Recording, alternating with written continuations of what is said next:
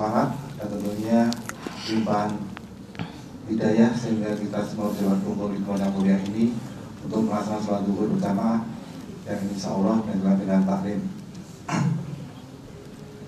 Salam dan salam tentunya kita curahkan kepada manusia paling baik junjungan kita Nabi Muhammad Sallallahu Alaihi Wasallam orang keluarganya, sahabatnya dan tentunya kepada kita semua dengan guru sunnah sampai akhir nanti. Bapak dan Ibu jamaah majelis yang dirahmati Allah Subhanahu Wa Taala telah bersama kita Ustadz Hendri Rahman yang nanti insya Allah akan memberikan kepada kita nasihat-nasihat mengenai parenting untuk uh, kali ini mengambil materi yaitu saat anak beranjak balik bagaimana yang ter, tertera di layar. Kemudian seandainya Bapak Ibu ingin memperdalam mengenai hal seperti ini, di depan sana telah tersedia buku karya beliau, judulnya Fatherman. Apa itu Fatherman? Bisa Bapak Ibu ketahui di depan sana nanti. Uh, sebuah tidak berpanjang kalam, uh, baiklah, baiklah kajian kali ini kita buka dengan baca basmalah bersama-sama. Bismillahirrahmanirrahim. Mudah-mudahan kita diberikan manfaat dan kemudahan dalam memperoleh pada-pada ilmu yang ada akan disampaikan.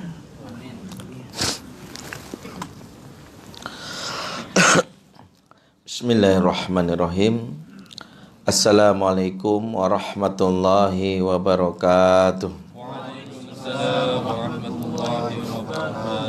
Alhamdulillahi wa kafa Wassalatu wassalamu ala nabiyil mustafa Wala alihi wa ashabihi wa manih tada amma ba'd Faya ayual ikhwah a'azakumullah jami'an Bapak-bapak dan juga ibu-ibu Calon bapak dan juga calon ibu Ikhwan wa ahwat fillah Jomblo lillah dan jomblo lelah yang menghadiri majelis kita di siang hari ini.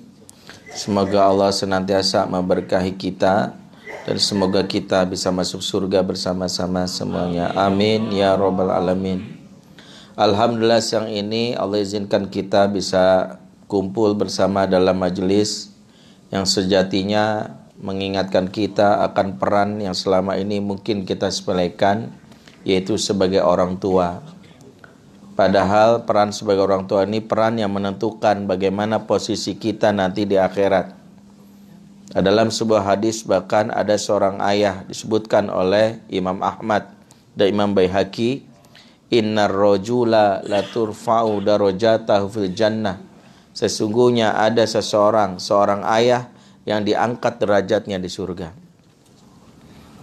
Dan ayah ini bertanya heran, fayaqul anna lihadha Bagaimana bisa ya Allah aku bisa diangkat derajatku sampai di posisi yang paling baik di surga.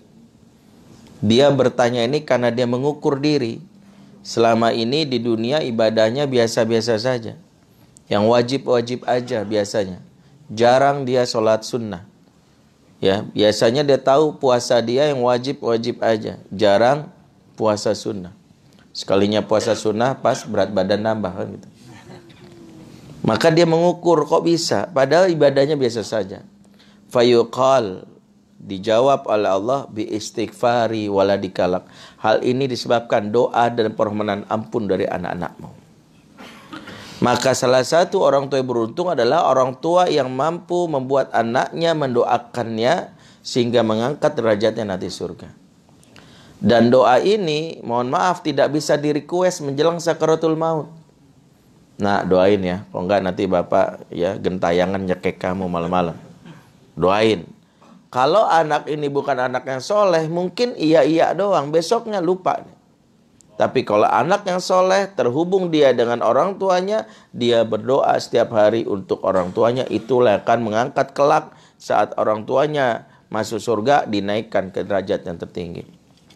Hari ini kita belajar bagaimana sejatinya ilmu menjadi orang tua bahwa kita harus belajar karena menjadi orang tua harus profesional, bukan abal-abal. Lawannya profesional, abal-abal alias amatiran. Dan Islam membuat kita bahkan menuntut kita wajib profesional dalam segala peran.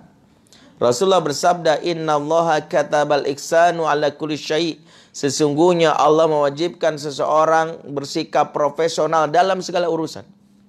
Jadi profesional bukan berarti sekedar pas jadi karyawan. Jadi seorang menteri, presiden, wartawan, artis, manajer. Enggak.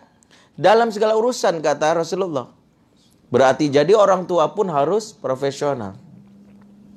Dan orang tua yang profesional sama dengan yang lainnya bahwa profesional cirinya apa? memahami peran dan ilmu dalam peran tersebut. Makanya kalau ada orang yang tidak profesional kita tahu nih amatiran nih kagak ngerti. Dan orang yang amatiran resiko melakukan kesalahan atau disebut malpraktek. Makanya bagi orang tua yang tidak belajar kemungkinan besar malpraktek. Malpraktek dalam pengasuhan itulah yang paling berbahaya. Rasulullah bersabda ya Idza usnidal amru illa ghairi ahlihi fantaziru sa'ah. Jika suatu urusan diserahkan kepada yang bukan ahlinya, tunggu datang masa hancurnya. Dengan kata lain, kalau seorang yang mengaku dokter ternyata nggak ngerti ilmunya, padahal dulu dia mungkin cuma tukang obat, maka resiko malpraktek pasien mati.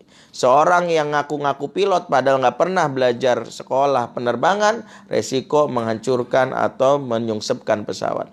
Seorang yang ngaku sebagai arsitek pada dia cuma kuli bangunan, maka resiko merobohkan bangunan. Maka begitu juga seseorang yang mengaku sudah menjadi orang tua tapi ilmunya nggak ada, maka salah satunya banyak anak-anak yang rusak dan anak rusak itu salah satunya bisa kita lihat saat balik.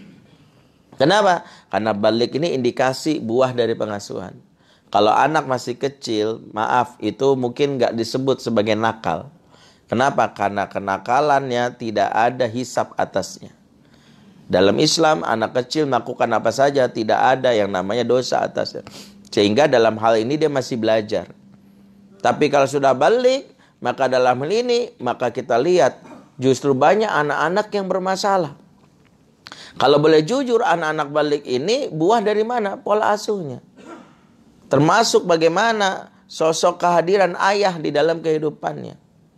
Ya, saya bikin buku saya sebutkan Father Man. Ini sebenarnya seri tentang ayah.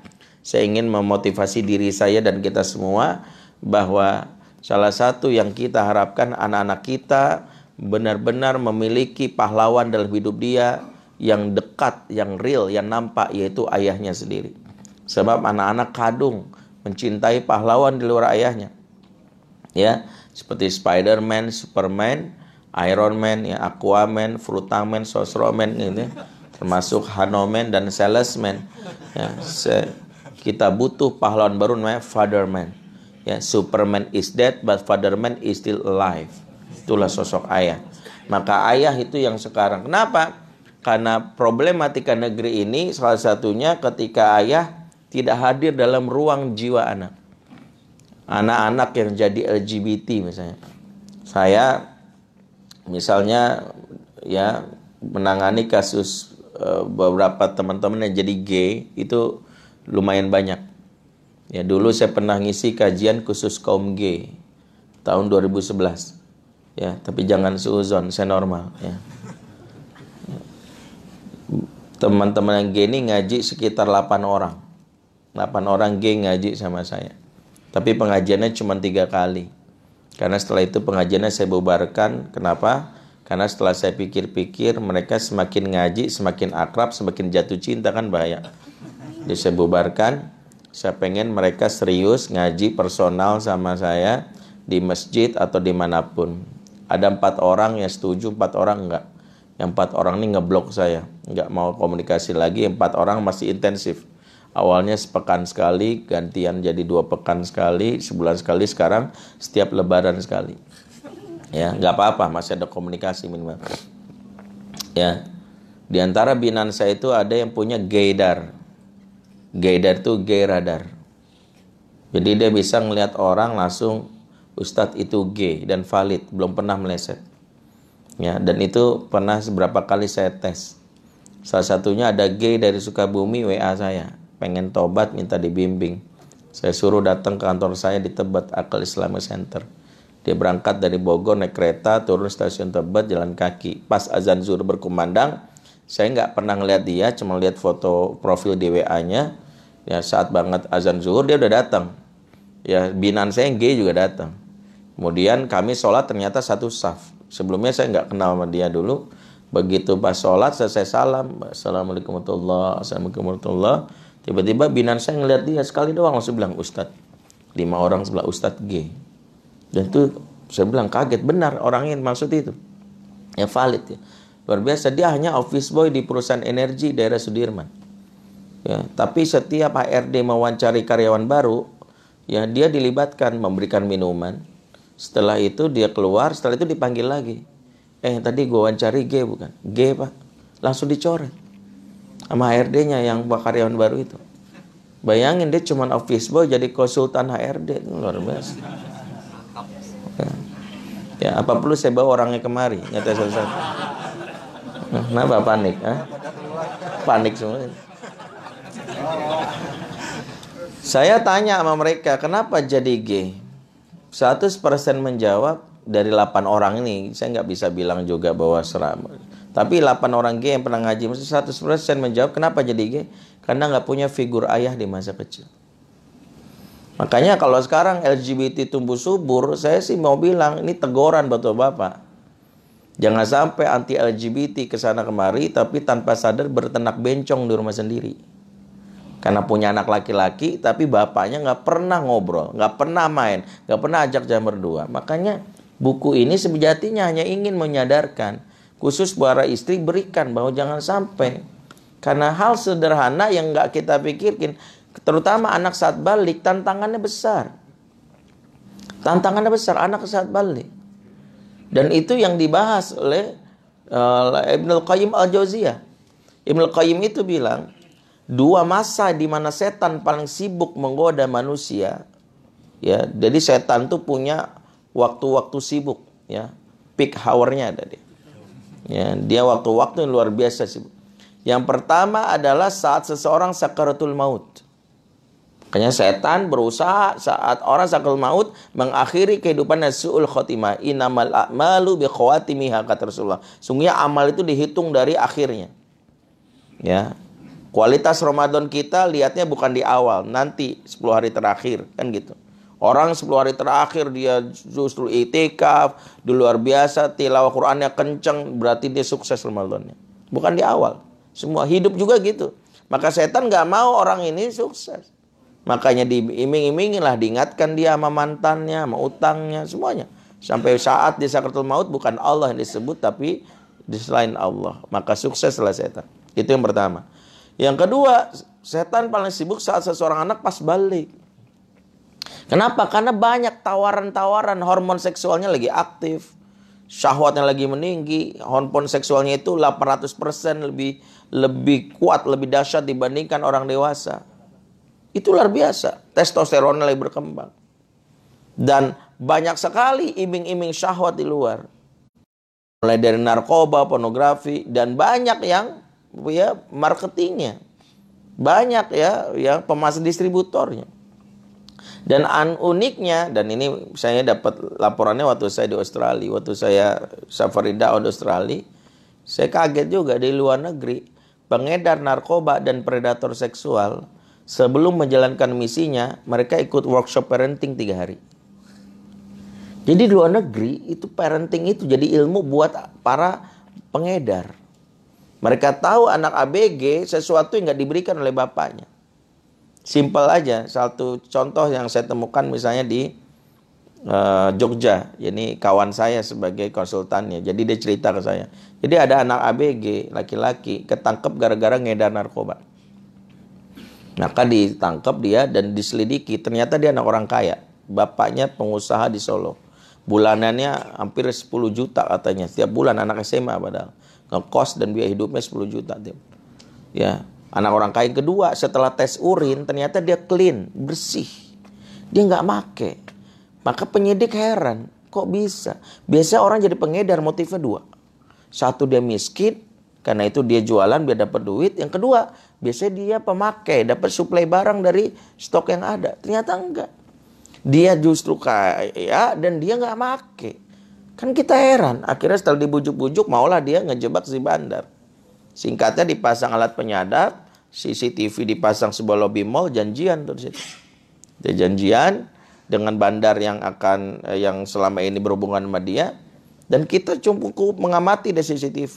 Ya, ada beberapa polisi intel yang mengawasi keamanan anak ini. Tak lama datang seorang bapak. Ya, umurnya sekitar 40 tahun ya pakai topi pet ya, masih muda gitu dan ini ternyata si bandarnya. Nah, kita belajar waktu si bapak ini pertama kali ketemu sama anak itu, dia melakukan sesuatu yang gak pernah lakukan oleh bapak kandungnya kepada dia. Apa itu? Dia datang langsung menepuk bahu si anak sambil bilang, makasih ya udah nungguin om. Maafin om ya boy, om telat. Kamu udah sabar nunggu, good boy. Banyak bapak yang tak tahu bahu bagi anak laki-laki adalah pride harga dirinya. Bapak yang gak pernah nepuk bahu anak laki-lakinya. Maka anak ini akan tumbuh jadi anak ABG, akan mencari lelaki dewasa lain yang akan menepuk bahunya meskipun kepala preman. Ya, Kenapa dia masuk geng motor? Karena kepala gengnya fair. Kalau sukses, bagus loh. Habis bacok lima orang. Good. Ditepuk bahunya. Dan bahu ini harga dirinya laki-laki. Bagi laki-laki harga diri kayak NKRI, harga mati. Terluka sedikit di yang lain. Bapak nggak mampu bagitkan harga diri. Sesuatu yang bagi anak balik itu penting. Itu yang pertama kita pelajari. Yang kedua begitu anak ini maaf sih uh, diajak duduk sama bandar ini, Om bandar ini menanyakan sesuatu yang nggak pernah ditanya bapak kepada anak anaknya yang, yang kalau sudah balik. Umumnya kita sebagai bapak, kalau nanya anak, pertanyaannya apa? Kalau standar ketemu. Hah? Udah makan belum? PR udah? Sekolahnya tadi gimana? Apalagi? Hafalan kamu berapa? Itu. Itu kalau kita. Kalau ibu-ibu lebih sadis. Tupperware mama mana? Hilang, hilang. Hmm. Durhaka kamu. Tuh mak-mak zaman now tuh. Definisi durhaka menghilangkan tupperware. Kalau bapak dalam hal ini luar biasa, ya satu hal dari bandar ini dia nggak nanya itu. Ketika duduk dibilangnya apa? Are you happy? Kamu bahagia nggak hari ini? Kita lupa bahwa anak itu harus ditanya perasaannya dulu. Dan ketika kita lihat di CCTV mata anak ini berbinar, dia peluk tanpa sadar refleks om-om ini sambil mengatakan, makasih ya om, om doang yang paling ngerti perasaan aku. Kita lupa, kita punya anak saat balik yang sejatinya justru saat itu perjuangan kita untuk mau mencari siapa yang menjadi tambatan hatinya. Makanya sebagian besar anak-anak yang berulah terutama karena kita tidak mampu memanfaatkan potensi dalam dirinya. Dan itulah kenapa muncul istilah remaja. Di mana remaja ini sejatinya tidak ada dalam khazanah Islam. Kenapa demikian? Karena remaja sendiri mengadopsi istilah barat dan juga dari ya, barat itu menyebut remaja dengan istilah teenager. Pas yang memulai namanya Stanley Hall tahun 1912 kalau tidak salah beliau membuat riset tentang anak-anak yang badannya gede tapi kelakuannya kayak bocah. Mau disebut adolescence tapi kelakuannya kayak bocah. Mau dibik mau disebut anak-anak tapi badannya udah gede. Kan nggak bisa disebut children lagi makanya dia bingung apa yang harus dibuat? Maka dia bikin definisi sendiri namanya teen dari kata belasan tahun. Teen. Anak-anak tersebut teenager. Tahun 1912 tuh. Jadi istilah ini baru populer tahun 1912 maka dia membuat indikator apa yang disebut teenager. Satu suka ngelawan memberontak ngeyel susah diatur ya. Dia melakukan risetnya ini terhadap anak-anak di Amerika jumlahnya 10 ribuan dan dia memasarkan jurnalnya internasional setiap orang menganggap ini riset Padahal ada kelemahan riset ini apa? Yang diteliti anak-anak di Amerika yang 10 ribu itu. Dia nggak geser sedikit ke anak-anak di Palestina. Dia nggak geser ke anak-anak di Turki. Bahkan nggak mundur ke belakang anak-anak di usia belasan tahun di zaman Rasulullah. Di mana nggak ada tuh yang ngeyel, nggak ada yang lawan. Nah, Gara-gara itulah akhirnya semua psikolog yang tidak punya basic agama sepakat kalau anak di umur ini itu suka ngelawan, dianggap sesuatu yang fitrah. Suka ngeyel, ngebantah gitu. Makanya sampai orang Arab bikin terminologi baru namanya remaja itu namanya murohik. Jadi kalau bahasa Arabnya remaja murohik. Murohik ini baru muncul tahun 1918 dari para psikolog barat eh, di Arab. Murohik itu dikata rohako dalam Quran surat Al-Jin ayat 6 apa mana rohako? Wa annahu kana rijalu minal insi ya'uduna birijali minal jinni fazaduhum rohako. Dan bahwasanya ada sebagian ah, kalangan manusia minta tolong di kalangan jin. Dan jin itu tidak lain selalu mengajak berbuat rohako alias berbuat dosa. Sehingga al-murahik maknanya si pelaku dosa. Jadi kalau dalam bahasa remaja dalam bahasa Arab remaja itu ya, maknanya orang yang selalu berbuat kesalahan dan dosa. Mindset ini sekarang muncul di kalangan kita. Walaupun namanya remaja kita berpikir wajarlah anak remaja suka dosa, berbuat dosa, wajar ngaco, wajar ini. Padahal mohon maaf, kalau remaja dalam tanda kutip sudah balik, sudah, bebas, kalau dia mati di umur ini, kalau dia mati di umur ini, maka hisapnya sama, nggak ada perbedaan. Nggak mungkin ketika malaikat bukan nakir bertanya, man robuka? Kemudian jawab, moto aja tahu banget digampar. Nggak mungkin malaikat bilang, maklum, nakir, remaja, remaja. Eh, namanya juga remaja. Nggak ada. Madinuka apa agamamu? Hmm, kasih tahu nggak ya? Tempeleng. Maka jangan berpikir seolah-olah pemaluman. Akui saja. Inilah yang disampaikan oleh Dr. Khalid Ahmad Syad. Akui saja. Jika di umur ini anak-anak pemelawan, akui saja. Engkau salah asuh. Akui saja. Karena kalau diasuhnya benar maka di umur balik dia sudah menjadi seorang yang luar biasa. Seperti para sahabat. Ali 10 tahun luar biasa menjadi pembela agama Islam siap menggantikan posisi Rasulullah tempat tidurnya bahkan ketika diomelin sama Abu Jahal apa kata Abu Jahal kamu masuk Islam gak izin dulu sama bapak kamu bapak kamu kan lihat menyembah agama nenek moyang kamu malah masuk Islam gak izin izin dulu apa kata Ali? 10 tahun. Apa dulu waktu Allah menciptakan aku izin dulu sama Bapak? Enggak. Dan dia luar biasa. Kalau buat apa aku izin dulu sementara Tuhanku tak pernah izin kepada ayah untuk menyembah untuk apa menciptakan aku.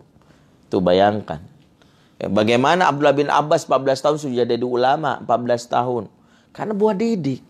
Jadi kalau ditanya bukan menjadi pembenaran, akui saja. Ada yang miss berarti, ada yang hilang. Kalau anak kita bisa balik justru mengalami yang kita sebut, wah itu anak gua tuh, maka kita harus akui itu bukan pembenaran. Mohon maaf, kalau anak bapak sudah bebas mati hari itu, maka hisapnya beda. Dia dihisap sendiri. Berarti kita gagal mengantarkan dia kepada kebaikan. Kau diusang lawan. Nah itu.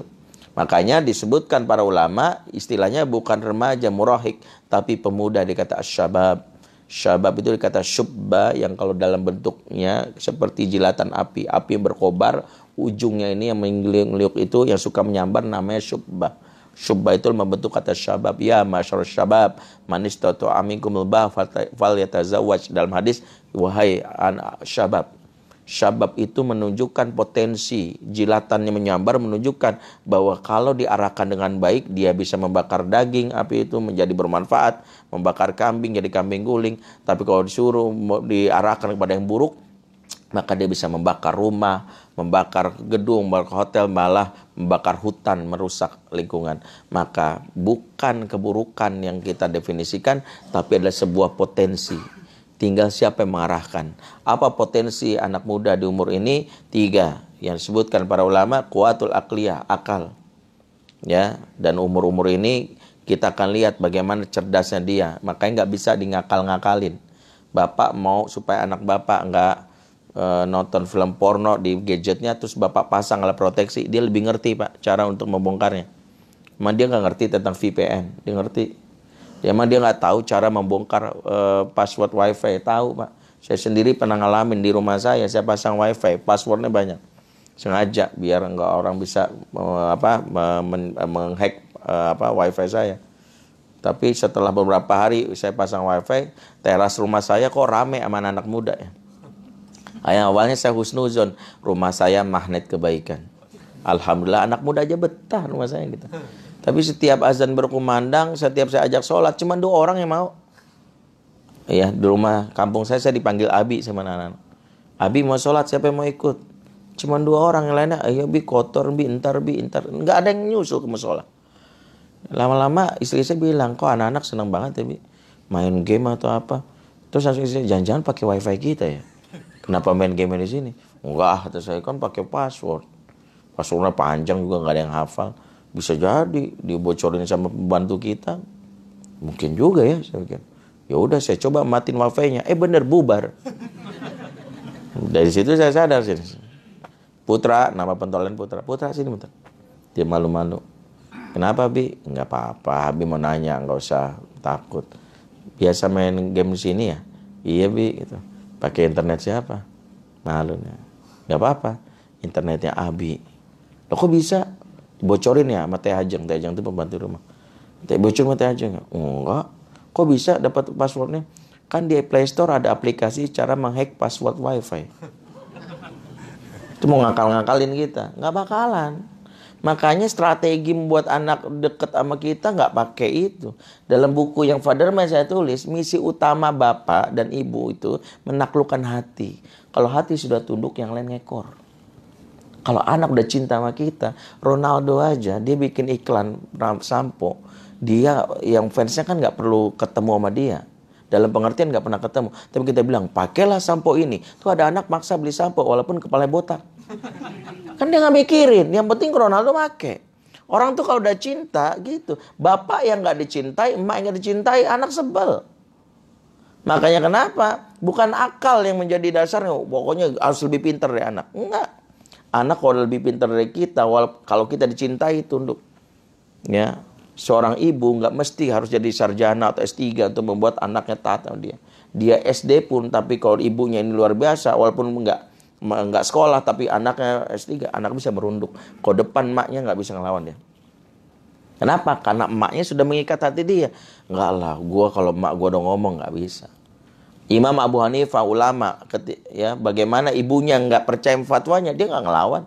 Walaupun dia ulama, ini menunjukkan bahwa ibu itu kalau punya dan bapak punya kemampuan menundukkan hati, gak bakalan anak ngeyel.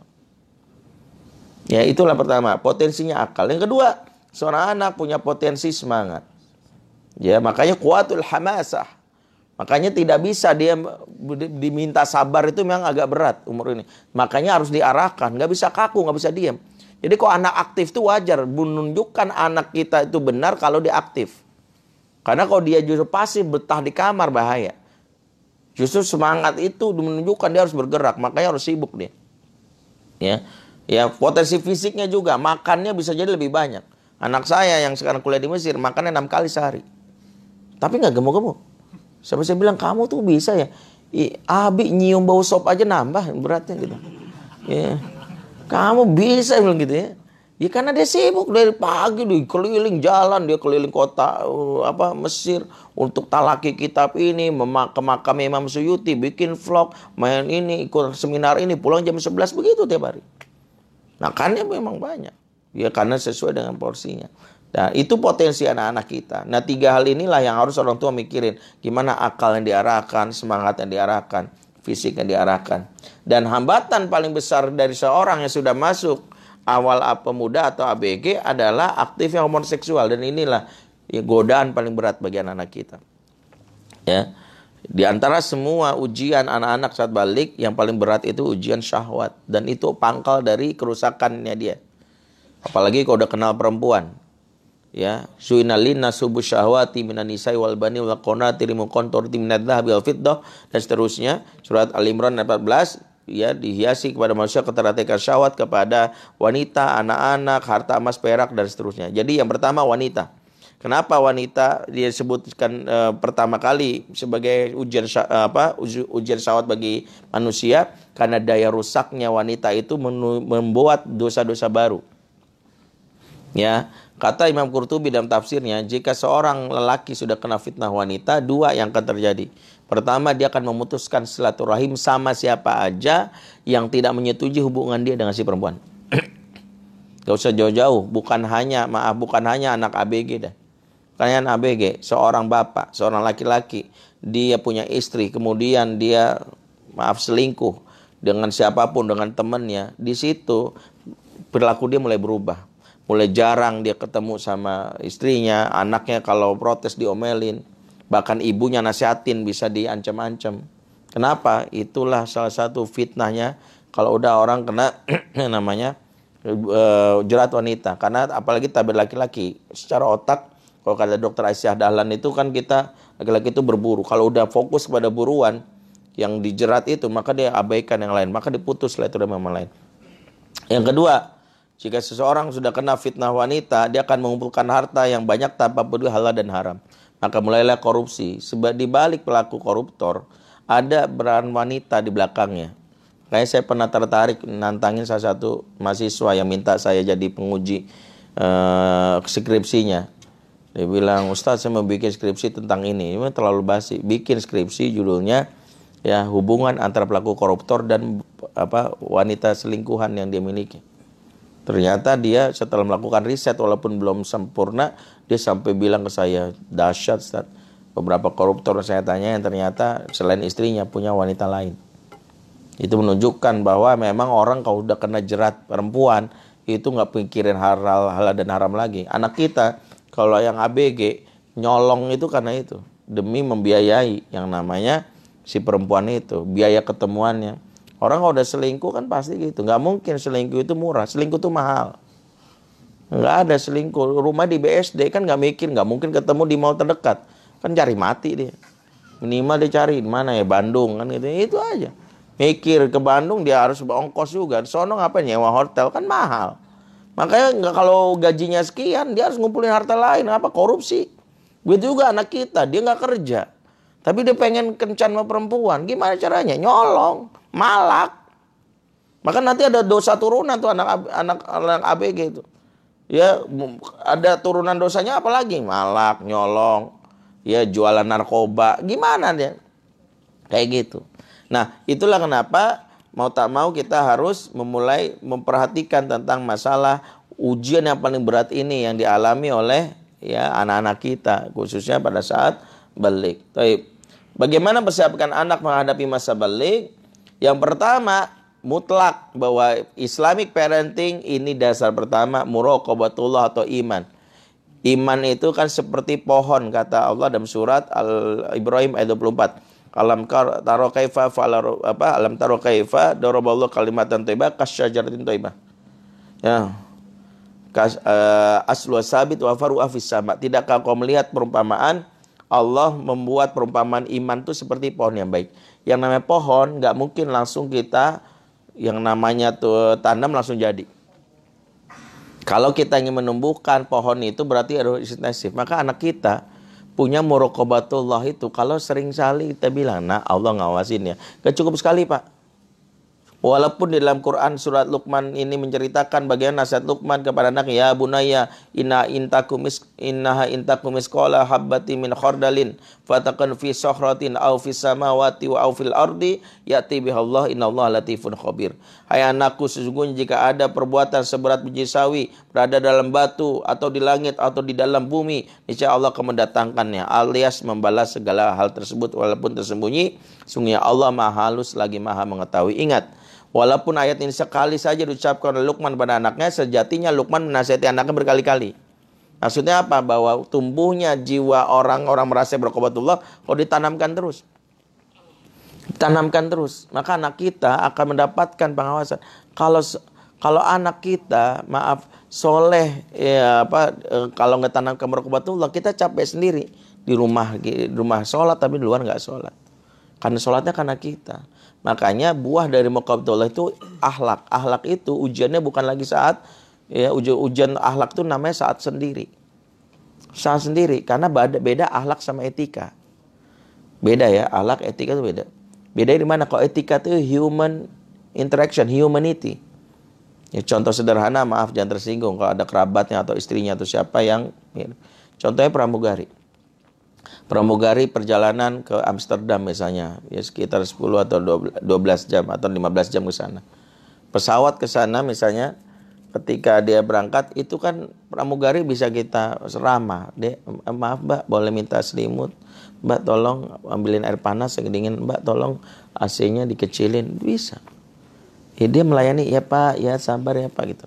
Tapi begitu kita landing di, di, di terminal bandara, coba aja dilewat. Eh mbak yang tadi, mbak tolong dong angkatin ban, koper saya. Digampar kita pak. Perasaan tadi di atas ramah deh. Maaf karena dia temporary.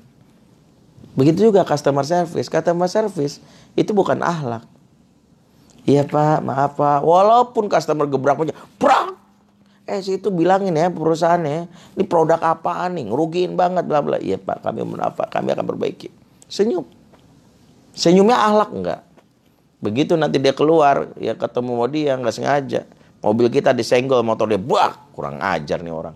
Turun kita yang tadi sekalian gampar pak. Gitu. Loh tadi saya tadi situ ramah banget waktu di kantor. Tadi di kantor mas lain sekarang di jalanan pak. Kenapa? Karena beda antara ahlak dan etika. Kalau ahlak di mana pun akan sama. Maka anak kita jangan sampai di depan bapaknya rajin sholat, di luar merdeka. Karena yang tanamkan adalah bapaknya, bukan Allah. Itu dulu diingetin. Dalam sebuah uh, kisah disebutkan dalam surat Al-Baqarah 249. Al-Baqarah 249 itu satu contoh bagaimana penanaman yang disebut ahlak. Falamma fasola tolutu bil junudi qala inna Allah mubtalikum binahar. Tatkala Tolut sampai di pinggiran sungai dan menguji anak buahnya dan kalimat Allah menguji kalian dengan sungai ini. Jadi Tolut ini raja ya diangkat oleh Bani Israel yang ditugaskan menaklukkan Jalut raja yang bengis. Maka Tolut membawa 80 ribu pasukan salah satunya dalamnya ada Nabi Daud. Saat Tolut membawa pasukannya kurang lebih 80 ribu berjalan kaki sekitar tiga hari tiga malam. Bekalnya makin tipis, makin habis. Banyak prajuritnya yang kehausan karena air udah nggak ada. Bekal makanan juga udah habis. Saat itulah mereka menemukan sebuah sungai. Tapi justru saat itu Tolut sedang melakukan fit and proper test. Audisi khusus. Kata Tolut, Allah menguji kalian dengan sungai ini. Lihat nih, ini sungai kan. Kalian nggak haus kan tiga hari nggak minum oke. Okay. Siapa minum sungai ini ya, meminum airnya, dia bukan golonganku. Lagi dites. Siapa yang tidak meminumnya, dia baru golonganku. Illa maniktarafa ghurfatan biyadi. Kalaupun kalian harus meminumnya, saya maksimalkan cukup maksimal satu tang satu tangkup tangan. Asami'tum, kalian dengar? Sami'na. Ata'tum, kalian taat atau ana. Menyebarlah pasukan tadi. Menyebar. Karena kan sungainya panjang dan luas. Mulailah mereka mendirikan kem-kem di pinggir sungai dalam keadaan haus ini sebagian ada yang aduh haus banget ya. Gimana caranya? Ada yang pura-pura kepleset, ya kepleset ya. Lu sih kan gitu ya. Tapi sampai kepleset minum air. Ada yang enggak, gua nggak minum berenang doang, cet. Berenang tapi nggak gitu. Ada yang begini, ya kan dilarang oleh tolut kan minum. Kita nggak minum, kita berenang. Itu ngakal-ngakalin. Ada yang ya pakai dalih, eh kan setangkup tangan doang boleh. Setangkup aja nggak apa-apa. Tapi terus-terusan. Sama kayak orang ngisi bensin, bang bensin tetes bayar nggak gratis. Tetesin terus bang, sampai penuh kan tetes. Di antara 80 ribu itu ternyata yang lulus fit and proper test 313 orang. 79 ribu sekian gagal semuanya. 313. Berkata Said Kutub dan Fizil Quran, inilah yang menunjukkan bahwa semangat kolektif sering menipu. Makanya Allah uji kita sejauh mana kapasitas iman saat sendiri. Itulah kenapa kalau anak kita soleh di pesantren jangan GR. Alhamdulillah Ustadz anak saya di pesantren gak pernah mabuk. Lah iya di pesantren mabuk apa? Mabuk duren. Alhamdulillah Ustadz sama di pesantren anak saya gak pernah pacaran. Iya di pesantren. Ya jelas lah. Jadi kalau di pesantren soleh itu mah gak maklum. Anak saya selama di pesantren hafal Quran lah iya di pesantren. Lepas pesantren ujiannya. Jadi kalau ada anak pesantren baik, maklum. Orang di pesantren. Lepas pesantren ketemu nih di sini nggak ada ada nggak punya apa orang baik dia kelihatan dia masih bisa jaga alaknya nggak itu menunjukkan maka yang kita tanamkan muraqabatullah yang keberikutnya menanamkan rasa malu dasar pertama anak kita menjaga diri dari perbuatan maksiat malu al hayau syu'batu minal iman Malu itu adalah sebagian dari iman. Makanya kalau rasa malu udah nggak ada, pagarnya udah hilang. Jadi salah satunya kata Rasulullah, fa'ilam tastahi fasna masyita. Jika engkau tak punya rasa malu, berbuatlah sesuka hatimu. Makanya kalau ada anak muda bilangnya, eh suka-suka gue dong. Jujur kita ingin bilang, lu nggak punya malu. Karena orang yang punya malu, pasti dia nggak berjawab gitu. Karena rasa malu itu pagar. Anak perempuan kita gak usah dipaksa pakai jilbab. Kau punya rasa malu, otomatis pakai jilbab. Yang jadi masalah dari kecil, bapaknya gak pernah ngajarin rasa malu.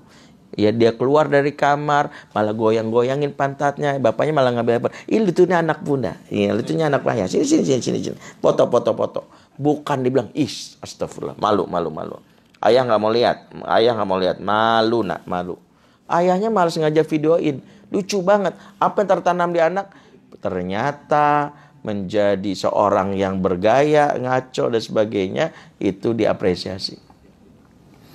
Makanya jangan heran dia pakai jilbab tapi nggak punya rasa malu. Jilbabnya malu-maluin. Orang pakai jil, orang pakai jilbab tapi ikut goyang TikTok.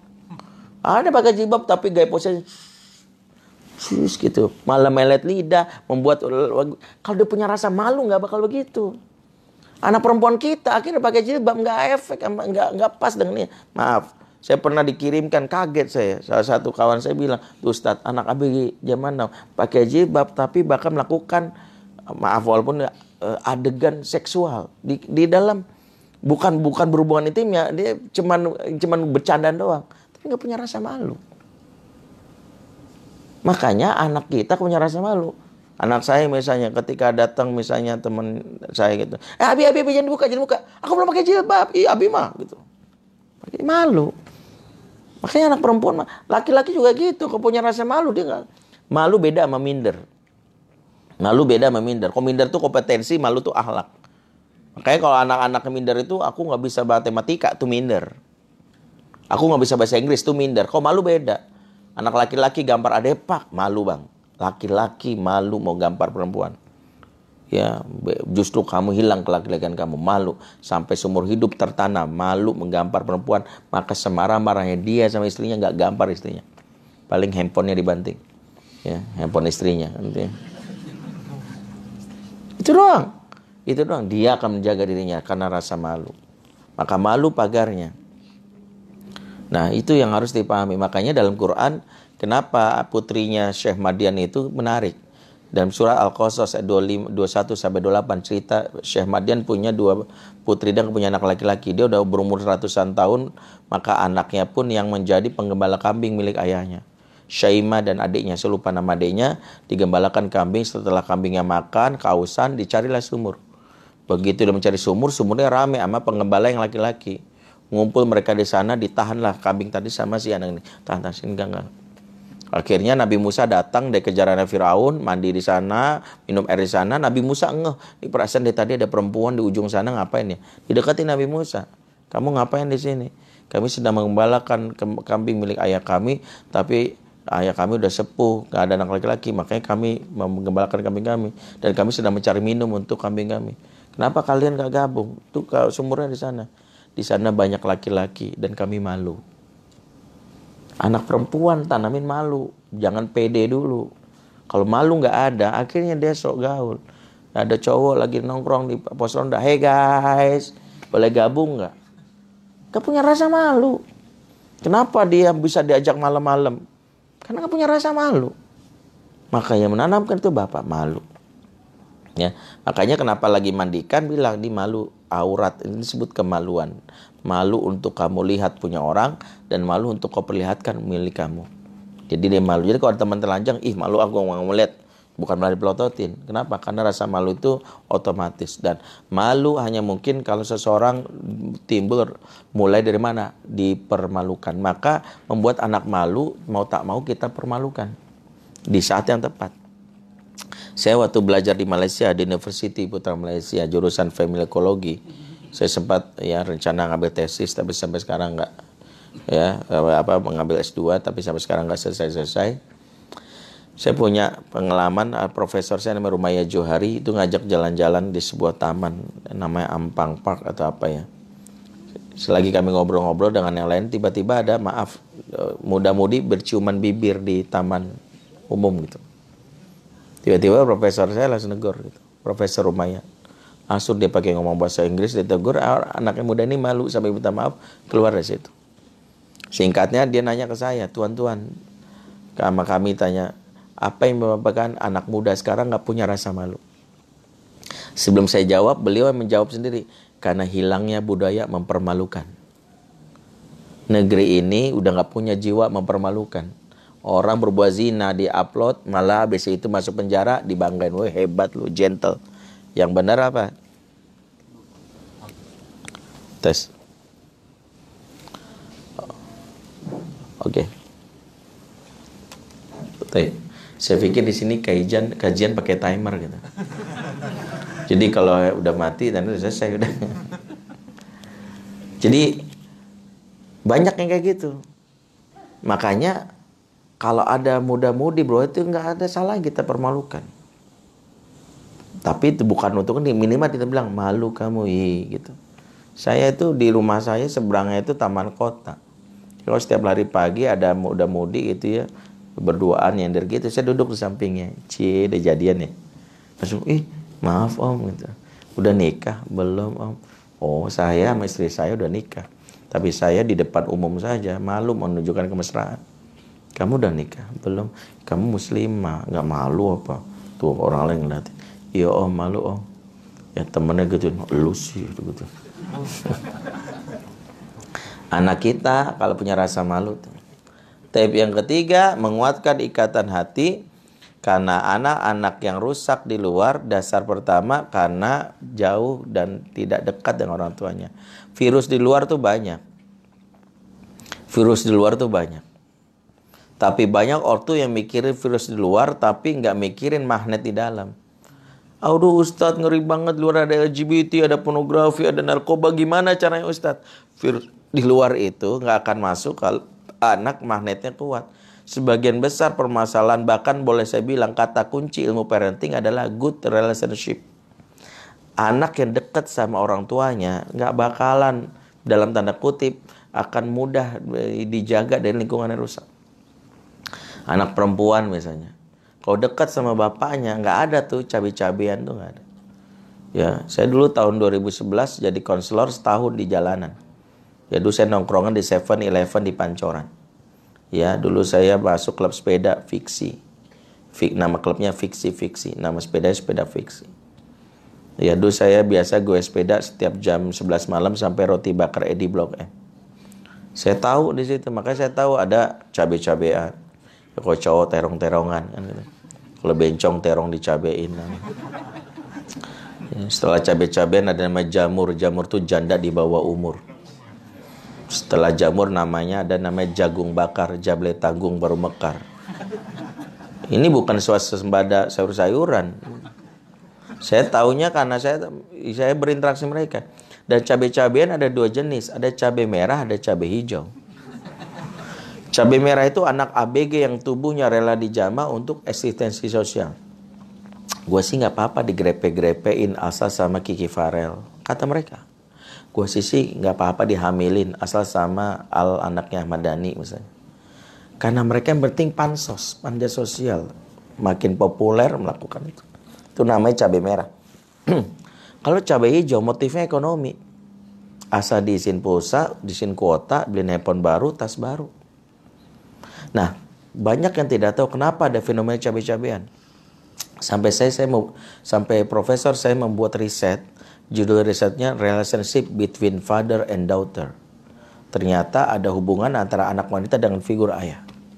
Mohon maaf bapak-bapak sini yang punya anak wanita angkat tangan. Yang punya anak wanita lumayan banyak. Saya harus sampaikan ini dan ini riset. Anak wanita yang gak deket dengan ayahnya peluangnya dua. Pertama dia jika dia sudah ABG dia gampang jatuh ke pelukan lelaki lain. An kebutuhan dasar wanita itu adalah diperhatikan, dicintai, apalagi saat ABG. Bapak, mohon maaf, lisannya terlalu kaku untuk ngomong duhai my love, duhai my princess. Maka tumbuhlah dia kenal sama cowok yang tiba-tiba ngomong ini. Ada seorang anak gadis cantik dari sekolah Islam, pulang sekolah nunggu busway. Ini kejadian nyata, saya yang tanganin. Dia nunggu busway, dia nggak pakai jilbab kebetulan, ya, tapi dia pakai baju panjang gitu. Nah, ada seorang preman di busway itu, itu ngeliatin dia aja. Dia awalnya, si busway belum datang, apa sih gitu. Dia mencoba menghindar, tapi diliatin terus. Akhirnya dia komplain, eh mas, matanya jaga mas. Resek banget sih gitu. Terus dimasang liatin. Eh gua gua gua lapor polisi ya. Apa kata preman ini? Silakan lapor polisi. Ditangkap polisi pun gua siap demi melihat mata yang paling indah di muka bumi. Langsung dia, apa sih lu? Awalnya dia bilang gitu. Begitu dia dapat busway, sepanjang jalan dia mikir, apa ya mata gue paling indah? Langsung ngaca pulang langsung ngeliat kaca. Setelah itu besok sengaja datang ke halte itu biar digodain lagi. Ujung-ujungnya jadi deket, maaf, ujung-ujungnya singkatnya akhirnya pacaran, akhirnya hamil sama cowok ini. Banyak bapak yang lupa bahwa anak gadis itu butuh kalimat. Ih cantik banget anak ayah. Kalau dia cerita wajib berhadapan-hadapan. Wajib dilihat. Dilihat kalau dia menunjukkan. Ih cantik banget. Kenapa? Wanita tuh makhluk yang butuh perhatian. Makanya kalau wanita nggak dapat perhatian, larinya ke mall. Karena di mall ada perhatian, perhatian. Itu sejarahnya tuh.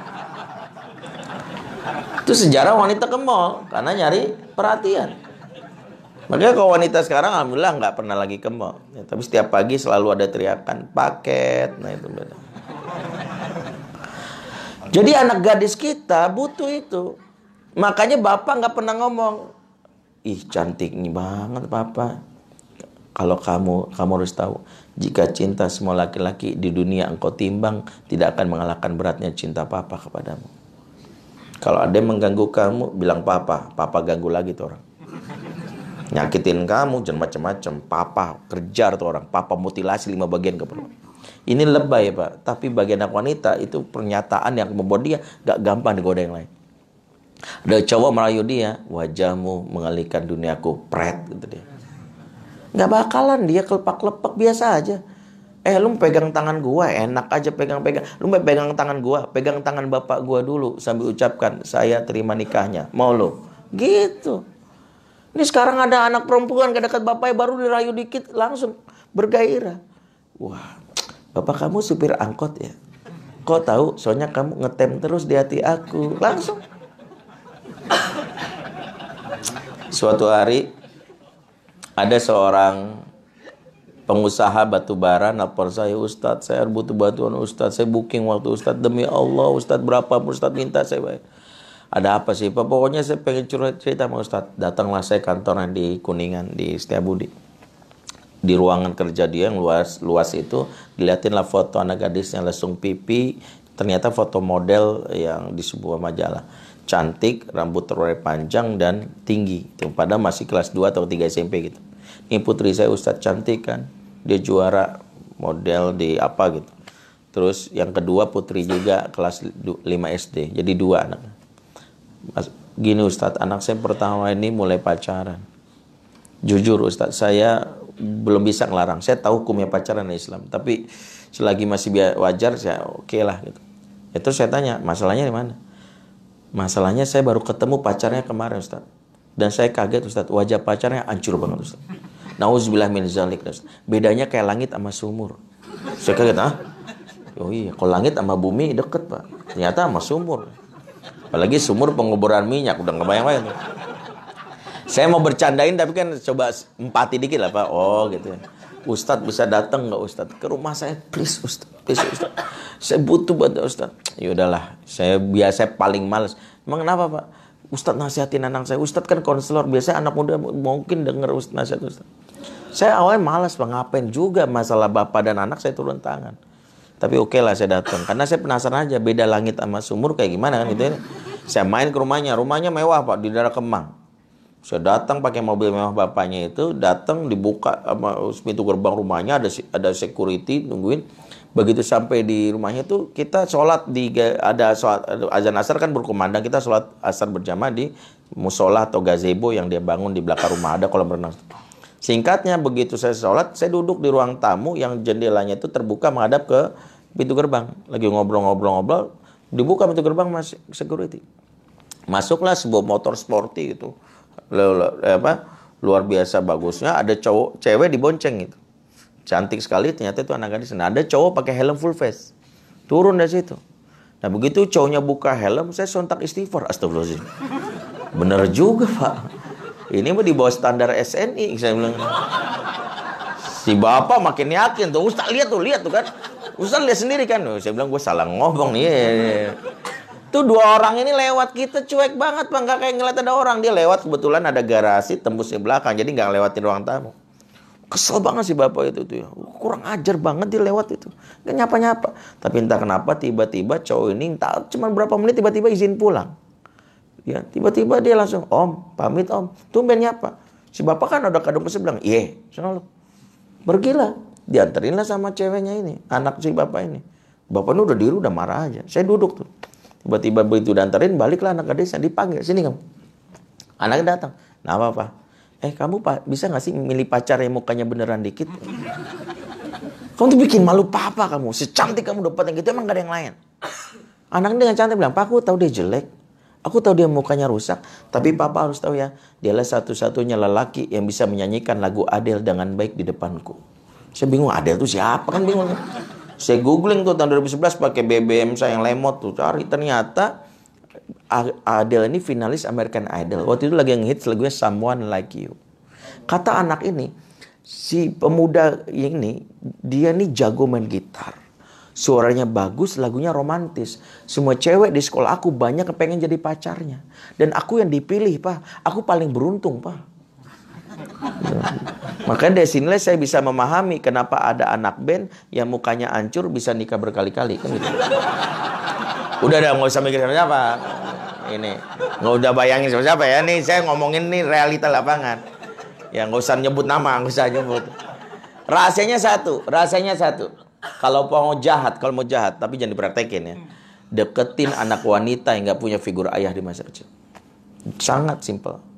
Makanya buat bapak yang tengah angkat tangan, karena ini sudah waktunya, saya cukup menyampaikan satu kesimpulan. Jika bapak tak dekat anak wanitanya, siap-siap menerima calon mantu yang menyesakkan dada. Bagi anak wanita, ayah itu the first love, cinta pertama. Jika dia jatuh cinta yang lelaki seperti ayahnya. Tipe kamu kayak siapa? kayak papa tipe 90 beratnya 90 maksudnya kalaupun bukan kayak papanya minimal pilihan papanya dok sini umur berapa? 29 lah kok mana calon mantu buat papa? Habis gak ada yang kayak papa. Kalau yang kayak papa nggak mungkin. Mah mau doang paling beruntung di muka bumi ini. Kalau kamu mau papa punya kawan anaknya baru pulang dari Singapura. Kemarin papa kenal S2 pinter, cerdas, ih baik banget anak ganteng juga. Kemarin papa pas ketemu dia ya Allah, dia sholat ya apa baca Qurannya merdu banget. Ya dia jadi imam sholat zuhur kan gitu gitu deh.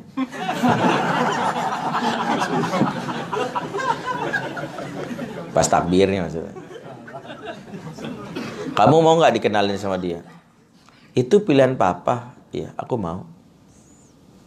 Asal pilihan papanya. Makanya nilai rahasianya kenapa Abu Bakar melamar Fatimah pada Abu Bakar kaya. Imannya nggak diragukan, ditolak sama Rasulullah. Tak lama datang Umar melamar Fatimah. Umar iman tak diragukan sama sahabat nomor dua. Kaya raya pula, ditolak sama Rasul. Tak, ada, tak lama datang Ali. Ali miskin. Dia miskin. Walaupun imannya tak diragukan tapi miskin jujur kita pak sebagai calon bapak jika ada laki soleh kaya sama soleh miskin datang melamar anak kita pilih mana soleh kaya kan normal ya pak ya normal tapi be normal ibu-ibu nggak salah bener tapi ini kenapa Ali kenapa kenapa Ali? Karena Rasul tahu Ali ini adalah tipenya Fatimah. Kenapa Fatimah suka Ali? Karena disebutkan pada sejarah karena Ali paling mirip baginda Rasulullah Wasallam. Seolah Fatimah mengatakan Ali ini bapakku banget. Maka kalau kita nggak dekat sama anak gadis, itulah yang terjadi. Maka mumpung anak kita kalau sudah ABG, ada yang nanya saya, Ustadz gimana cara supaya anak saya nggak pacaran? Paling simpel, pacari anak bapak. Ajak berduaan, ngedate, ajak kalau dia mau belanja ke mall ya udah, ya udah papa temenin ya. Papa aku pengen dong papa penasaran sama film itu pak. Ya udah papa temenin. Karena kalau dia dekat sama bapaknya tidak ada lelaki yang berani untuk mengusiknya. Tapi itulah kenapa saya bikin buku ini ya judulnya Father Man. Mudah-mudahan bisa menjadi ayah sebagian bagian Afan karena waktunya terbatas, sebentar penjelasan penjelasannya masih panjang. Itu dulu yang bisa sampaikan. Aku lu qouli hadza fastaghfirullah wa lakum. Subhanakallahumma bihamdik asyhadu an la ilaha illa anta astaghfiruka wa atubu ilaik. Assalamualaikum warahmatullahi wabarakatuh.